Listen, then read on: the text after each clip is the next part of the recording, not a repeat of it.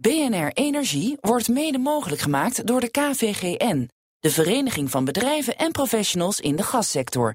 Minder CO2, wij doen mee. Dit is een podcast van BNR Nieuwsradio.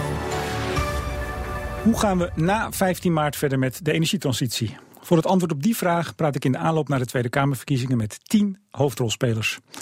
Mijn naam is Remco de Boer en mijn gast studeerde internationale betrekkingen in Groningen en werkte bij het ministerie van Economische Zaken en was diplomaat in Brussel. Sinds 2010 is ze Tweede Kamerlid voor D66 met onder meer energie, klimaat en milieu in haar portefeuille. Ze is fractiesecretaris en staat nummer 2 op de kandidatenlijst voor de komende verkiezingen. Hoe beoordeelt zij vanuit de oppositie de prestaties van het huidige kabinet en wat wil D66 eigenlijk zelf? Ik vraag het aan Stientje van Veldhoven. Hartelijk welkom. Dankjewel. Mevrouw van Veldhoven, u was in 2011 en 2012 groenste politicus van het jaar. Weet u zeker dat hij bij zo'n keurige liberale middenpartij als D66 wel bij de juiste zit? Ja, bij uitstek. Omdat wij juist eh, een heel groen profiel combineren met een heel pragmatisch programma. Tegen ook reële kosten. Dus uh, dat past uitstekend. Ik begreep dat uh, een van de argumenten om uh, Lisbeth van Tongeren niet op de lijst bij GroenLinks te zetten was dat de partij vond dat andere partijen in de Kamer wel heel erg groen aan het worden waren. Volgens mij bedoelde ze u daar ook mee. Nou, voor D66 zit groen echt in het DNA. Jan Terlouw begon daar natuurlijk voor ons mee. En ik ben heel trots dat ik wat dat betreft zijn erfenis mag doorzetten in de Kamer. Die verkiezing uh, werd georganiseerd door Natuurmonumenten. Nou, nou verzet die vereniging zich flink tegen windmolens in het IJsselmeer, op de Doggersbank, op de Noordzee. Bent u nog wel zo blij met die, uh, die, uh, die prijs? Absoluut. En uh, absoluut trots op. Kijk, en voor, voor windmolens geldt, net als voor allerlei activiteiten, dat je ook altijd op de plek waar je ze neerzet goed moet afwegen tegen andere belangen. Dus wat dat betreft voor windmolens geen andere regels dan voor boorinstallaties. En als het om natuurredenen niet kan, moet je het daar niet doen. Maar goed, die even toch dan, laten we er even op ingaan dan. Die windmolens in, in het IJsselmeer. Waarom zou die daar niet kunnen? Nou ja, kijk, voor alle, voor alle uh, ik ken de specifieke natuurtoets voor het IJsselmeer niet. Um, maar voor allerlei maatschappelijke belangen hebben we in Nederland, en dat zit ook in de Europese regelgeving, dat als het echt noodzakelijk is, dat je het dan mag doen, mits je dat goed compenseert. En dus als je dat zou doen, dan moet je ook voor zorgen dat je dat echt uh, goed compenseert op een andere plek. Uh, maar nogmaals, dus de specifieke natuurtoets voor het IJsselmeer ken ik niet. Voor D66 geldt, als je de natuur serieus neemt, dan moet je dat ook serieus nemen wanneer het gaat om windmolens. Ja, maar goed, we moeten ze ergens neerzetten. Bewoners willen ze niet bij hun huis. Uh, natuurverenigingen willen ze niet in de natuur. Dan blijft er weinig over, denk ik. Nou, we hebben ook nog wind op zee. Uh, daar maken maar we dat willen ze ook, ook niet, hè? Daar bij maken de, we, nou, daar maken we gelukkig wel grote stappen. En er zijn uh, ook heel veel plekken waar dat ook uitstekend kan. Ehm, blijft dat Nederland natuurlijk een klein land is. Met 17 miljoen mensen die ook nog heel veel willen. en dat die afweging dus lastig is. Ja, dat, dat, dat constateren we. Daar lopen we natuurlijk ook regelmatig tegenaan. Wat mijn eigen ervaring is uh, de afgelopen jaren, is dat als je mensen vroeg betrekt bij dat soort besluitvorming, of het nou gaat over een nieuw stuk spoor of vervoer van gevaarlijke stoffen over het spoor. Ik ben ook spoorwoordvoerder. Uh, of over de aanleg uh, van een nieuwe weg. Of over de aanleg van een nieuwe hoogspanningsverbinding. Of over het plaatsen van windmolens. Heel of veel allerlei andere zaken nog. Telkens merk ik dat als je vroegtijdig met mensen gaat praten. Als je hen ook, ook gebruik maakt gewoon van de creativiteit die er in zo'n regio is. En je hen dus echt meeneemt in de afwegingen die je maakt.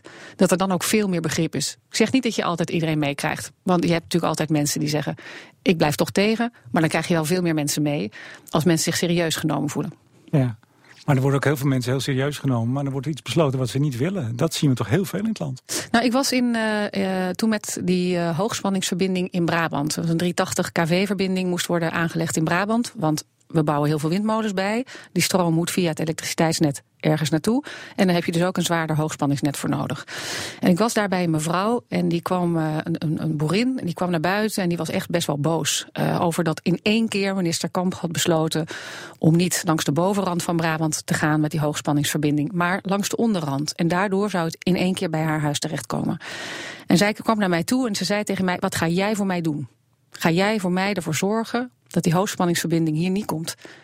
En toen zei ik tegen haar: er zou nu voor mij niks makkelijker zijn dan tegen u te zeggen: ja, dat ga ik voor u regelen of ja, daar ga ik me voor inzetten.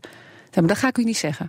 Wat ik u wel ga zeggen, is dat ik goed ga kijken naar waar de minste mensen er last van hebben.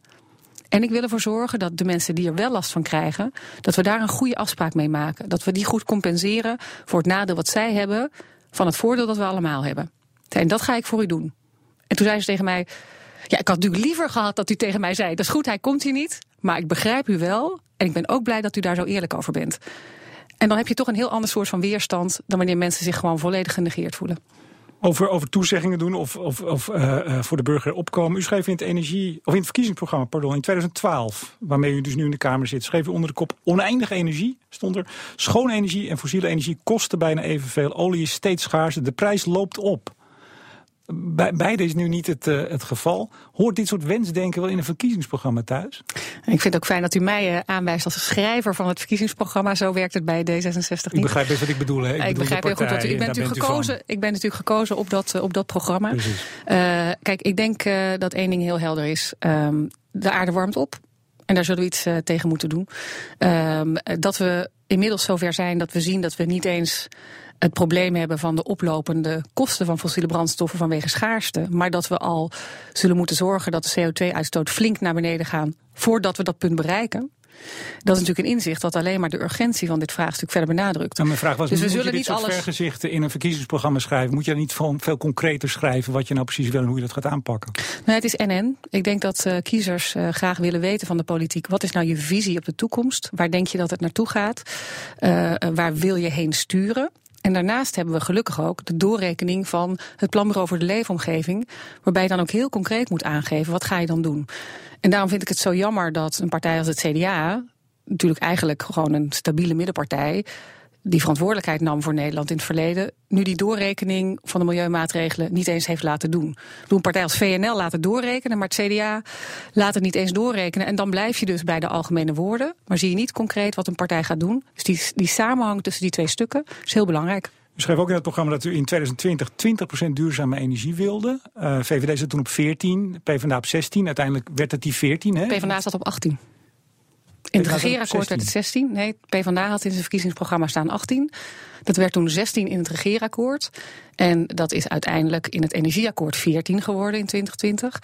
Uh, want ze hebben die 16 cosmetisch behouden door hem op 2023 te plakken. Ja. Maar ik vroeg me af, uh, uh, het werd 14 uiteindelijk, toch? Omdat ECN, PBL, toch een beetje de rekenmeesters van het kabinet, die zeiden ja, echt meer gaat gewoon niet lukken. Die 20% van u, hoe reëel was die toen u die opschreef? Nou kijk, die was reëel geweest als we heel snel heel veel hadden kunnen doen, bijvoorbeeld op wind op zee.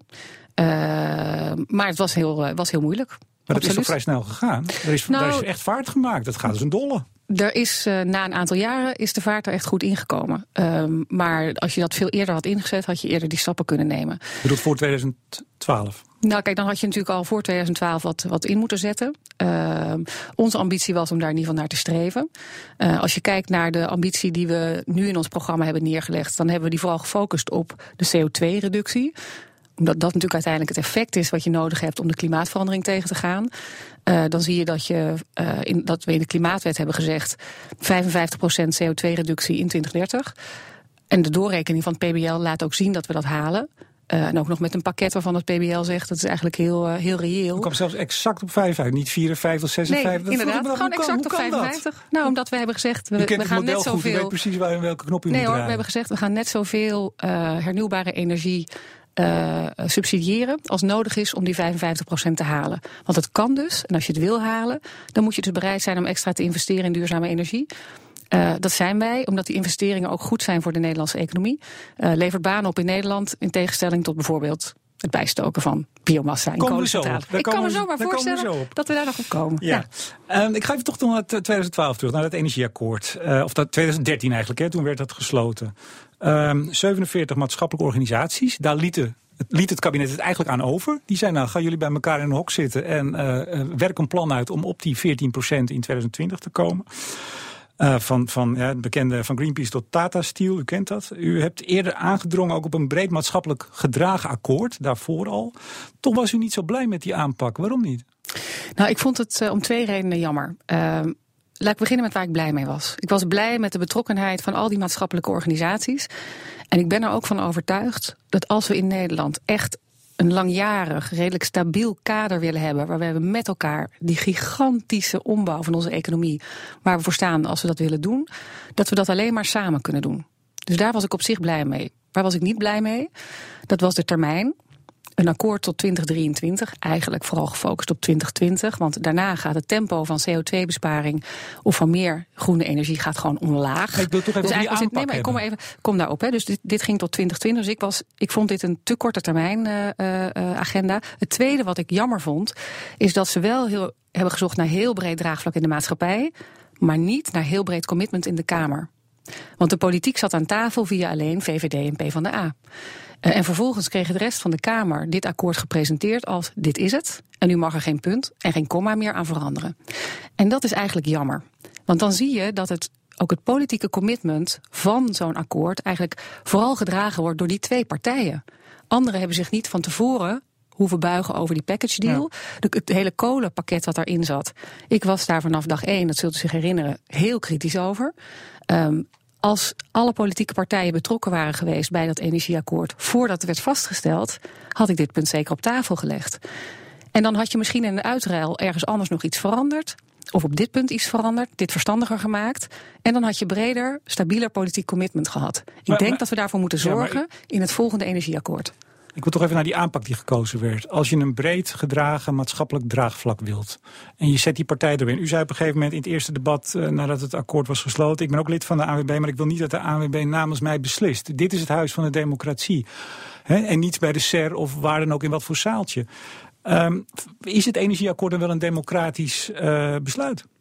Nou, het is geen eh, besluit wat door, ehm, eh, door de politieke partijen, die daarvoor door de kiezers van Nederland zijn aangesteld, is gesloten.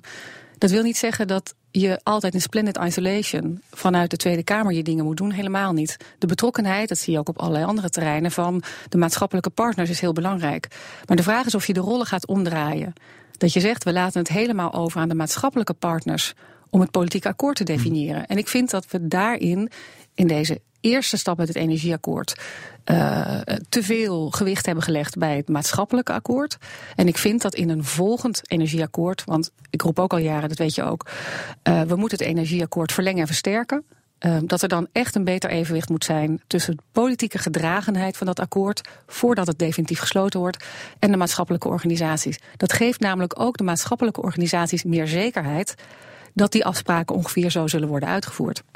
U zegt wat u nu wil gaan doen, maar ik vraag u toch over een oordeel te geven over hoe het gegaan is. U was volledig buitenspel als Kamer. Behalve de twee regeringspartijen, u mocht aan de kantlijn staan. Dan is het toch geen democratisch besluit in uw. Nee, ik vind de balans in dat eerste, ik vond de balans in dat eerste energieakkoord inderdaad niet goed.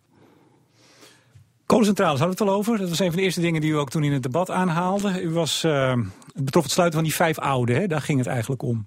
U maakte daar meteen een punt van. Wat, wat, wat ging er mis? Nou, de, voor de sluiting van die vijf eh, oude kolencentrales werd een, eh, een prijs betaald. En die prijs was de afschaffing van de kolenbelasting.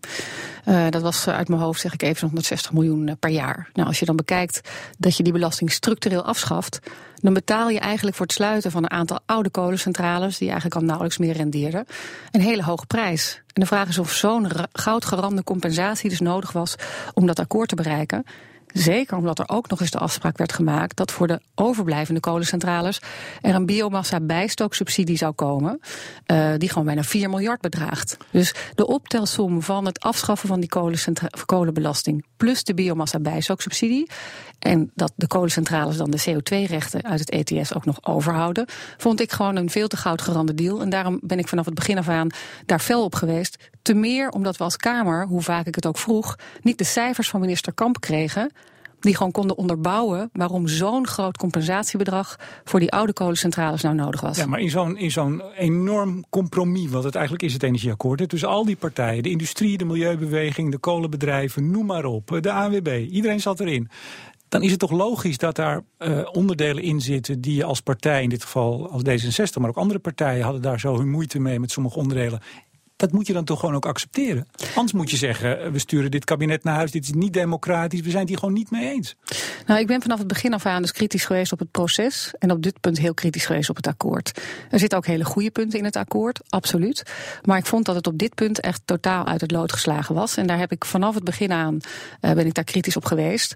Eh, en heb ik ook voorstellen gedaan om dat te veranderen. Ik heb bijvoorbeeld geprobeerd om die cijfers boven tafel te krijgen over de kolenbelasting. Want ik vind dat je aan de Nederlandse belasting belastingbetaler moet kunnen uitleggen waarom je 5,2 miljard in totaal uh, richting een aantal bedrijven uh, stuurt die kolencentrales opereren. Dat is een heel groot bedrag. Maar u ligt en waarom steeds er niet anders? Uit, terwijl wind op zee, er is ook er is heel veel uitgeruild. Dat weet maar, dat zijn niet, maar dat zijn niet dezelfde bedrijven. Dus het idee dat de partijen die een kolencentrale moesten sluiten, dat we die ook allemaal nodig hadden voor het isoleren van de huizen of het vergroenen van het transport of het bouwen van wind op zee is natuurlijk niet waar. Uh, en daarom zeg ik, het is zo jammer dat er destijds bij het afsluiten van dat energieakkoord 1.0 niet gezocht is naar een echt breed, ook politiek draagvlak. Want dan had je dit soort dingen met elkaar uit kunnen discussiëren voordat je zegt, dit is echt de deal waar we echt met z'n allen voor gaan. En ik hoop dus heel erg dat dat bij een volgend akkoord wel zo is. Ja. In datzelfde debat, of eigenlijk aan het begin van uh, 1.0, energieakkoord 1.0, uh, heb ik u helemaal niet gehoord over die vijf resterende kolencentrales. Daar bent u nu heel erg fel mee bezig, hè? fel aan het bestrijden. U wilt ze zo snel mogelijk dicht hebben, dat wilt al een tijdje. Maar toen in die eerste periode, toen het akkoord op tafel lag, heb ik u daar nooit over gehoord. Waarom niet? Nou, er is denk ik echt een historisch keerpunt gekomen met de afsluiting van het akkoord van Parijs. Dat heeft voor ons allemaal de bakens verzet. Wereldwijd hebben we met elkaar afgesproken. We gaan niet alleen proberen om de 2 graden doelstelling te halen. We gaan echt proberen om ver onder de 2 graden uit te komen. Misschien zelfs wel anderhalve graad opwarming om het daartoe te beperken. En dat wil zeggen dat de ambitie omhoog moet.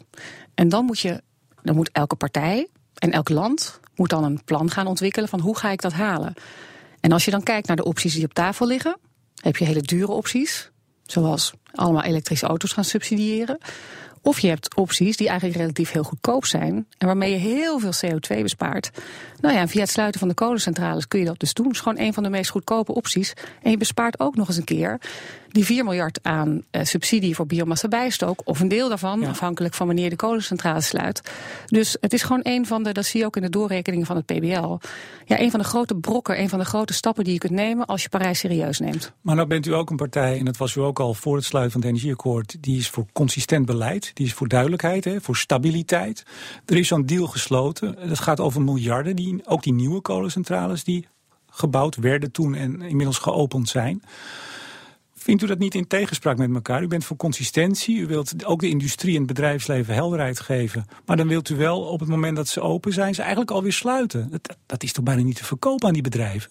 Nou, wat heel erg belangrijk is voor het bedrijfsleven is dat er voorspelbaarheid zit inderdaad in het, in het overheidsbeleid. En met de ratificatie van Parijs uh, is dus ook heel helder geworden waar Nederland naartoe gaat uh, en waar er de stappen zullen worden ondernomen. Dat is ook het moment dat bedrijven met een kolencentrale zich zullen realiseren: hé, hey, mijn bedrijfsmodel wringt toch met de stappen die er genomen gaan worden. Ik vind dat je als overheid een betrouwbare overheid moet zijn. Maar dat wil niet zeggen dat je met volle vaart op een blinde muur moet afrijden. Wat je dan wel moet doen, en dat heb ik ook vanaf dag één gezegd toen we het hadden over het sluiten van de kolencentrales, is dat je met die, met die bedrijven samen dan tot een oplossing moet komen en ook dat een uitkoopsom bijvoorbeeld een onderdeel zou kunnen zijn van zo'n deal. Heb ik, ben ik, heb ik altijd gezegd dat ik daarvoor opensta. Je moet ook voor de werknemers van dat soort bedrijven goed zorgen. Uh, de motie die ik heb ingediend voor het sluiten van de kolencentrales, zei dus ook niet: goh, voor 2020 dicht met die dingen en laat verder iedereen maar stikken. Nee. Ik heb echt die motie zorgvuldig geformuleerd om te zeggen: ga nou praten met die bedrijven. Kijk of je met hen tot een deal kunt komen. In het belang van het halen van de doelstellingen van Parijs. Ook zorg goed voor de werknemers. Kom tot een deal met elkaar. Uh, dat, is, dat is zoals ik het heb voorgesteld. En ik had ook heel erg gehoopt dat het kabinet het afgelopen jaar. Meer dan een jaar hadden ze daarvoor om tot die deal te komen. Ja, dat ze dat op deze manier hebben laten lopen. Waardoor bedrijven in onzekerheid zitten. Want die zien ook al die verkiezingsprogramma's waarin dit punt gewoon weer is opgenomen. Maar ook de werknemers. Als je al meer dan een jaar weet dat je misschien je baan verliest, is dat echt, legt dat een grote druk op die gezinnen. Dat vind ik echt heel zonde. Had niet gehoeven. Maar, maar bij, bij de eerste vijf sluiting, dus ook toen, toen in dat eerste debat had, toen had u het er ook over. En de ACM had er ook iets over. Hè? Die zei van ja, dit is misschien wel in strijd met de mededingingsregels. Maar het ging er ook over dat dat een, een prijs was voor consumenten. En daar maakte u ook toen een punt van, die wel helemaal niet zo fijn was. Hè? Het was een hoge prijs. ACM zei trouwens ook dat er heel weinig milieueffect was van het sluiten van die mhm. vijf oude. Maar goed. Um, u zegt, uh, bedoel, we moeten voor Parijs. Maar als het gaat over consistentie, nou, daar, daar, daar is daar natuurlijk dan geen sprake van. Maar de, de, de, de bedragen die u neerlegt in de maatschappij ik had hier de, de baas van RWE. Ja, als u hem genoeg geld geeft, dan zal hij best dicht willen. Maar als je nou doelstellingen stelt, dat is toch wat het kabinet moet doen. Daar bent u ook voor. CO2-reductie. Dan zou dat op misschien ook op een andere manier ingevuld kunnen worden. Want weet u wat het gaat kosten? Wat wil meneer RWE? Wat wil meneer Uniper? Hoeveel miljard? Dat is uh, iets wat je met die bedrijven over spreekt zodra je echt serieus een plan gaat maken voor de sluit. sluiting. Ik zie die dat 5,5 miljard gekost. Ik dat zie dat, ik, zie dat, ik zie dat, dat het kabinet eh, zover in ieder geval niet gekomen is met de bedrijven. Maar ik ben blij dat ook u onderkent eh, dat wanneer er eh, met een bedrijf een goede afspraak gemaakt wordt, er helemaal geen sprake is van een soort onderbreking in, in een betrouwbare overheid. Zolang je dat maar netjes met Je elkaar kan doet. alles afkopen. De, kijk, de vraag, precies. Kijk, en de vraag is dus, de vraag is dus, redeneer je vanuit waar we nu staan en redeneer je dan naar, goh, wat heb ik ervoor over? Dat is een manier waarop je daar, eh, daarnaar kunt kijken. Je kunt zeggen, nou, ik wil eh, dat eh, de lasten in Nederland met maximaal zoveel stijgen. Dus dan kan ik maximaal zoveel energie opwekken en dat is het dan. Maar we hebben het akkoord van Parijs afgesloten en dat betekent eigenlijk dat we niet anders kunnen dan andersom redeneren. We weten waar we moeten staan in 2050. Well below 2 degrees. Dat wil ook zeggen dat de afspraken die we in Europa hadden gemaakt om 40% te reduceren, dat dat onvoldoende is. Want die gingen nog uit van 2 graden als we het al halen. Dus je zult nog ver onder die 2 graden toe moeten. Dus je moet dan terug gaan redeneren naar wat is er nodig. En als je dan terug gaat redeneren naar wat is er nodig, min 55% CO2 in 2030, dan moet je dus gaan kijken wat zijn de goedkoopste opties om dat te bereiken. En dan zijn die kolencentrales meteen weer in beeld. Omdat het gaat over hele grote stappen die je moet maken. En dan is dus de vraag: ga je heel veel kleine, dure, onzekere maatregelen nemen? Of neem je een paar grote stappen? Ik zal er twee noemen, drie Ja, maar- noemen die wij even voorstellen. onderbreken, Want dit, dit wordt anders iets te lang. U, ik vraag u, wat kost het dan? En daar hebt u in ieder geval volgens mij nu niet een antwoord op. U zegt het, het is heel goedkoop. Maar als ik u vraag, wat kost het dan? Dan? Dan hoop ik ook dat u weet wat het kost. Want anders is het wat lastig discussiëren. Nee, dat valt wel mee. Kijk, het, is, eh, het kost eh, 600 miljoen per jaar voor de rechten die je moet opkopen. Eh, dat is wat het Planbureau voor de Leefomgeving ook heeft, eh, heeft eh, Ik heb het aangegeven. over die kolencentrales die dicht moeten, die Ja, net precies. open zijn. Hè? Ja, ja dat, is, dat is die. Het kost 600 miljoen per jaar als je die. eh, die ah, nee, dat is niet waar. Het is volgens mij 60 miljoen per jaar eh, aan rechten die je op moet kopen. Eh, de nationale kosten, daarvan zegt het PBL, dat is 600 miljoen per jaar. Het kost 14 euro per huishouden, eh, is ook al eens uitgerekend. Hoeveel Dus, jaar? eh, wat, dat is in principe gewoon tot 2050 eh, telt hij door. Nou, dat, is, dat is een paar miljard. Maar de vraag is, als je andere maatregelen neemt, wat kost dat dan? Ja. En dan blijkt dat die maatregelen allemaal nog duurder zijn. Ja. En de vraag is dus niet, is it nice to do?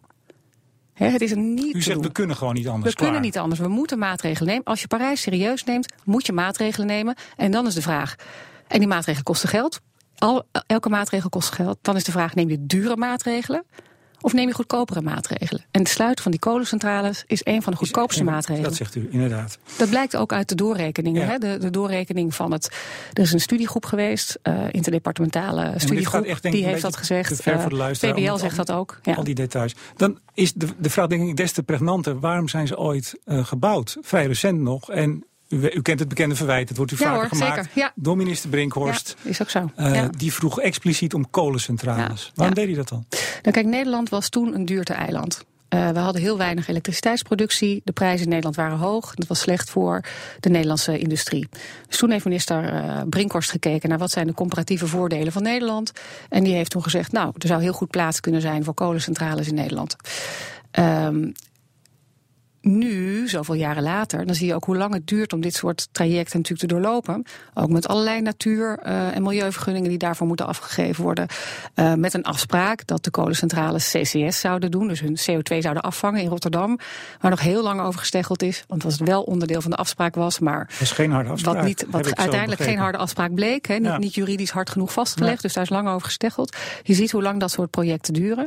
En inmiddels heeft de werkelijkheid van de klimaatverandering ons natuurlijk gewoon ingehaald. En dan kun je zeggen. Ik vind een betrouwbare, als je een betrouwbare overheid een overheid vindt die met, een, met volle vaart op een blinde muur afrijdt, dan is dat één interpretatie. Mijn versie van een betrouwbare overheid is een overheid die voorspelbaar is. En die in ieder geval, wanneer er veranderingen nodig zijn om goed voor Nederland te zorgen, die dat dan ook echt doet met reëel besef van de consequenties van de partijen, in dit geval deze bedrijven waar het over gaat. En vandaar dus mijn motie om te zeggen: kom nou in overleg met die partijen tot een akkoord. Uh, want je kunt dit niet meer onder normaal ondernemersrisico scharen. Uh, maar dat is die klimaatverandering ook niet. Dat is echt iets waarvan de urgentie, denk ik, pas de afgelopen jaren heel erg goed tot de hoogste laag is doorgedrongen. En waarbij we nu een wereldwijd akkoord hebben, waardoor we ook weten, iedereen zal maatregelen moeten gaan nemen. En dan is de vraag, neem je als Nederland dure of goedkope maatregelen? Ja, je zegt gewoon trek de beurs. Ja, je kunt niet anders. Over, over die biomassa, daar hadden we het in het begin even over. Hè?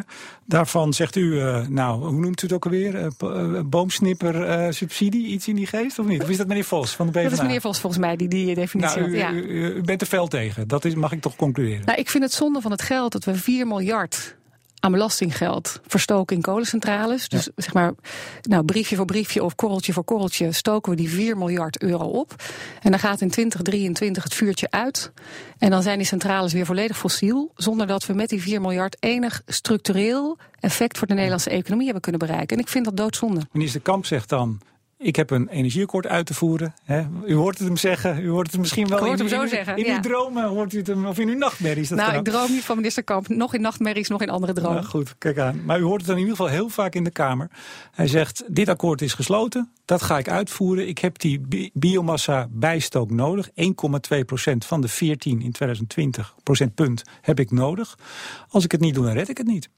Ja, maar minister Kamp haalt het helaas uh, sowieso niet. Omdat hij zich in alle doorrekeningen elke keer wat rijk rekent. Door alleen de bovengrens van de, de Ja, maar laten we, te laten we nemen. voor het gemak nu even uitgaan dat hij zegt... ik heb dat toch echt nodig. Ja, maar, Dat maar, gelooft maar- u dus niet. Nee, maar het punt is dat hij dus, uh, zelfs als hij dat doet, het niet haalt.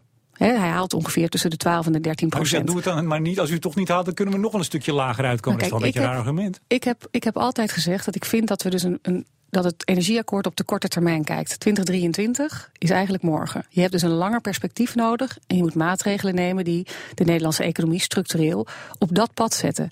Dit is echt optimaliseren op de korte termijn, zonder dat je er uiteindelijk structureel iets mee opschiet. In 2023 hebben we 4 miljard verbrand, is het gewoon weg, gaat het vuurtje uit en zitten we weer volledig op kolen. Dus minister Kamp schiet hier met deze 1,2 procentpunt alleen maar cosmetisch wat mee op, maar niet echt. En dan vind ik voor een stukje cosmetische uh, groei van, de, van, van duurzame energie, voor die cosmetische groei, daar doe ik het niet voor. Maar u schreef in uw eigen verkiezingsprogramma in 2012... u wilde het aandeel duurzame energie laten groeien. Onder meer, en ik citeer, door meer bijstook van duurzame biomassa en kolencentrales. Hoe moet ik dat dan rijmen? Ik denk dat je daar ziet dat we hebben gezien dat, de, uh, dat we ook daar tot nadere inzichten zijn gekomen over wat wel niet verstandig is. Er was een tijd dat we ook, bijvoorbeeld professor Fay, die zegt dat nog steeds, dachten dat er ruim voldoende duurzame biomassa in de wereld beschikbaar was. Nou, ik ben laatst bij het World Resources Institute geweest in Washington. Daar zitten echt experts die ook voor het IPCC uh, bepalen en berekenen wat er kan in de wereld. En ik vroeg aan hen, hoe zit dat nou? Is er nou echt ruim voldoende biomassa? Of moeten we daar eigenlijk toch een stuk voorzichtiger mee zijn? En zij zeiden tegen mij: als je nou alle biomassa ter wereld benut. Alles, hè? Dus uh, de, de, koeien hebben geen sprietje gras meer te eten. We kappen het hele Amazonewoud. Niemand heeft meer een stukje brood op zijn bord liggen. Hoeveel procent van onze energievoorziening kunnen we in 2050 daar dan mee voorzien? 20 procent. Dus biomassa is iets waarvan we ook ons steeds meer realiseren dat we daar voorzichtig mee om moeten gaan. Ik wil niet zeggen dat je het nergens voor kunt benutten, maar je moet er voorzichtig mee omgaan. We hebben het nodig voor de, voor de industrie, de chemische industrie, die ook naar andere grondstoffen moet gaan kijken. We hebben het nodig misschien voor brandstoffen in sectoren waar we eigenlijk slechte alternatieven hebben. Voor elektriciteit hebben we gewoon hele goede alternatieven. Wind op zee is een prima alternatief. En dan is het dus zonde om die biomassa te verstoken in die kolencentrales. Maar, dus we zijn tot nadere inzichten gekomen op dit punt. Ja, maar in 2012 was dit ook duidelijk. Hebt u dan toen niet bij de juiste experts bent u rondgegaan of wilde u het wel? Ja, kijk, nee. u zegt aan de ene kant het is heel duur, zegt u. Het is cosmetisch, het is niet nodig. U had het in uw eigen programma staan en nu zegt u... Ja, maar er is ook eigenlijk niet genoeg. Dat is weer een nieuw argument. Ik, ik begrijp niet zo goed. Nou, wat ik net al zei, kijk, we zijn nu bezig met een, met een, een economische hervorming, die denk ik zijn, zijn weergaan niet kent. Ik denk dat we nog nooit zo'n grote herstructurering van de economie hebben gedaan als dat we nu aan het doen zijn wereldwijd. Door de overgang van fossiele brandstoffen, waar we altijd op vertrouwden, naar hele nieuwe bronnen. En dat is ook learning by doing. Daarom is het belangrijk om het samen te doen. En daarom is het ook belangrijk om te blijven leren van de effecten die je ziet.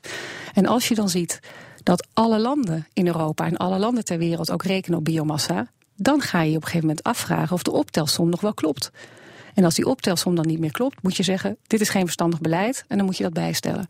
Uh, daarnaast komt dat als je uh, niet alleen uh, zeg maar de doelstellingen van voor Parijs wil halen, maar de doelstellingen van Parijs wil halen, dat je veel grotere stappen moet nemen en dat dan het sluiten van die kolencentrales gewoon een hele goede manier is om dat te doen. Ja.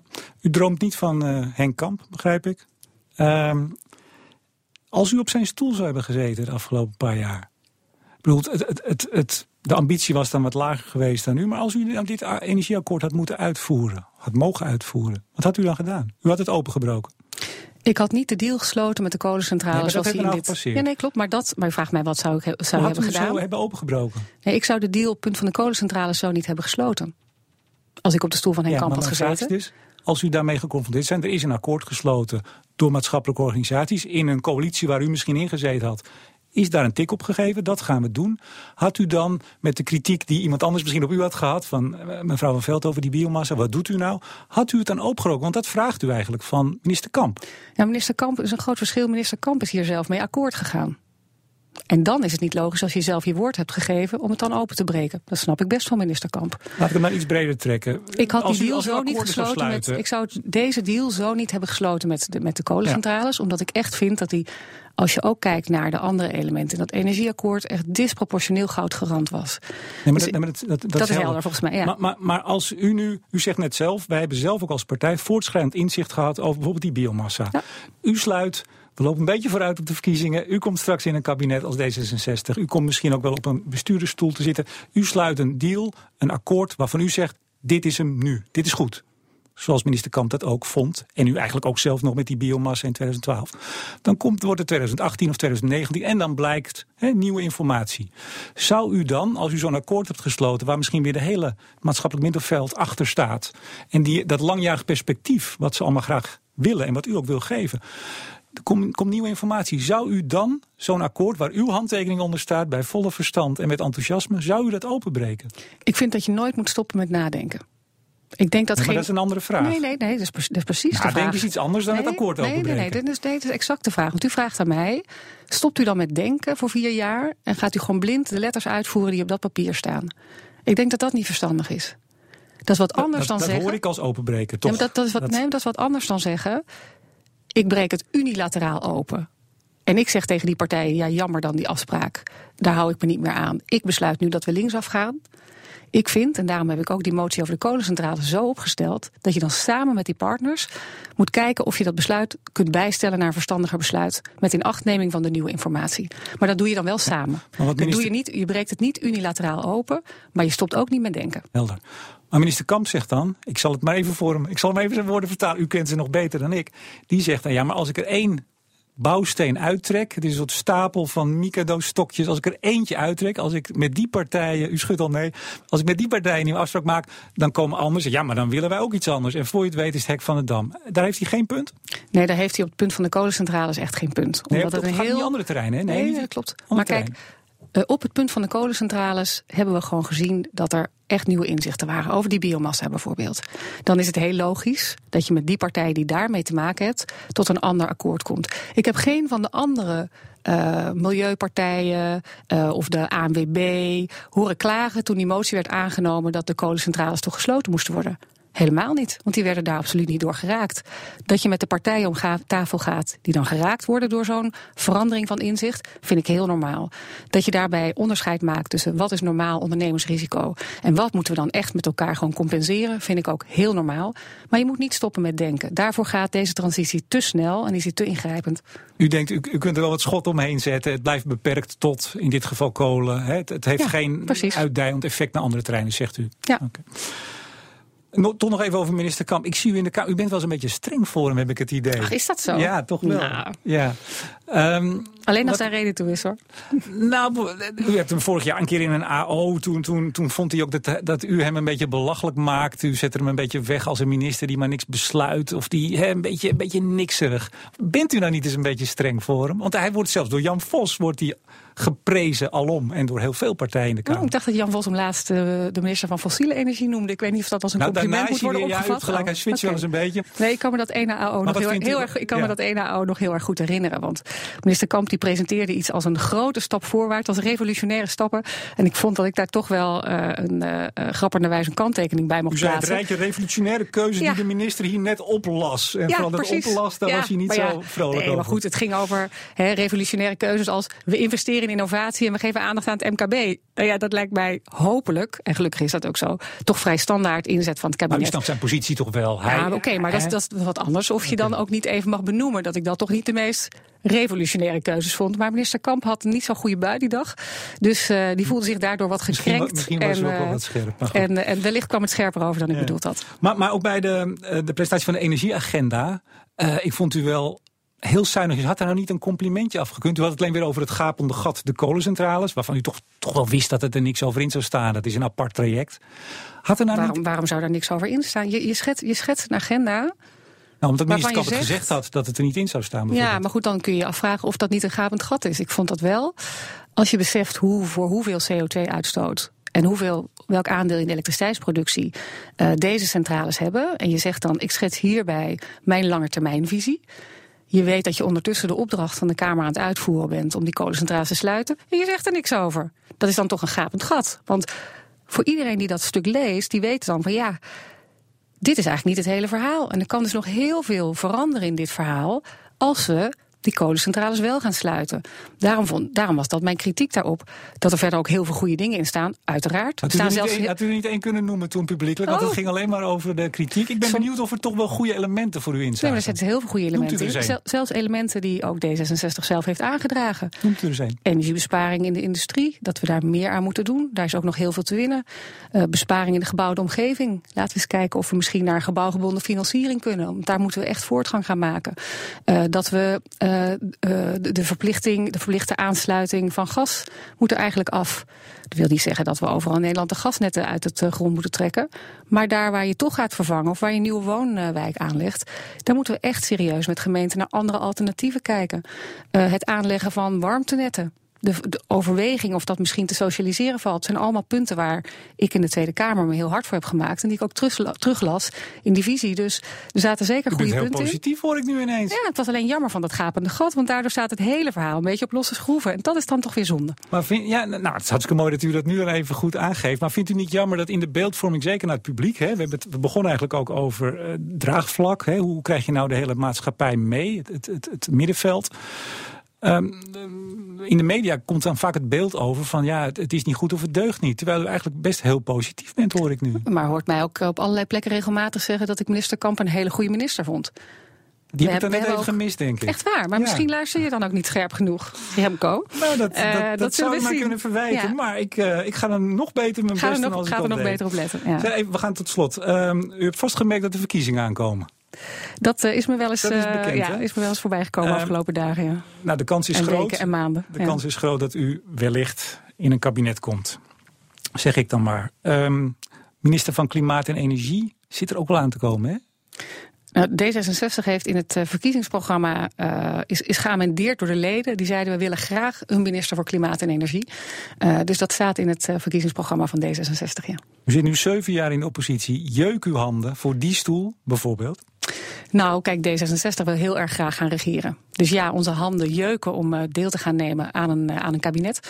Eh, en wie dat dan wordt, het spel over de poppetjes is altijd interessant. Maar u loopt ook lang genoeg mee te weten dat we daar verder niks zinnigs over kunnen zeggen ik, vandaag. ik, ik zag in de voorbereiding uw cv. U bent volgens mij uw eerste stage was in Brussel. U hebt altijd in de, in de politiek of daar omheen gezeten, op ministeries. Het, het lijkt me zo ontzettend leuk als je zo lang zo gedreven in de politiek zit. Dat je dan op een gegeven moment echt een keer ehm, echt aan de slag mag. Ik moet zeggen dat het heel mooi is geweest, ook de afgelopen zeven jaar, om te zien wat je ook, dat je ook vanuit de oppositie echt aan de slag kunt. En dat je toch veel kunt bereiken. Maar het is ook wel tijd voor D66 om nu in de regering te gaan. En eh, daar gaan we voor deze campagne. Dus eh, voor 15 maart, ik heb nog wel een tip. Mevrouw van Veldhoven, Tweede Kamerlid voor Democraten 66. Hartelijk dank. Graag gedaan. BNR Energie wordt mede mogelijk gemaakt door de KVGN, de Vereniging van Bedrijven en Professionals in de Gassector. Minder CO2, wij doen mee.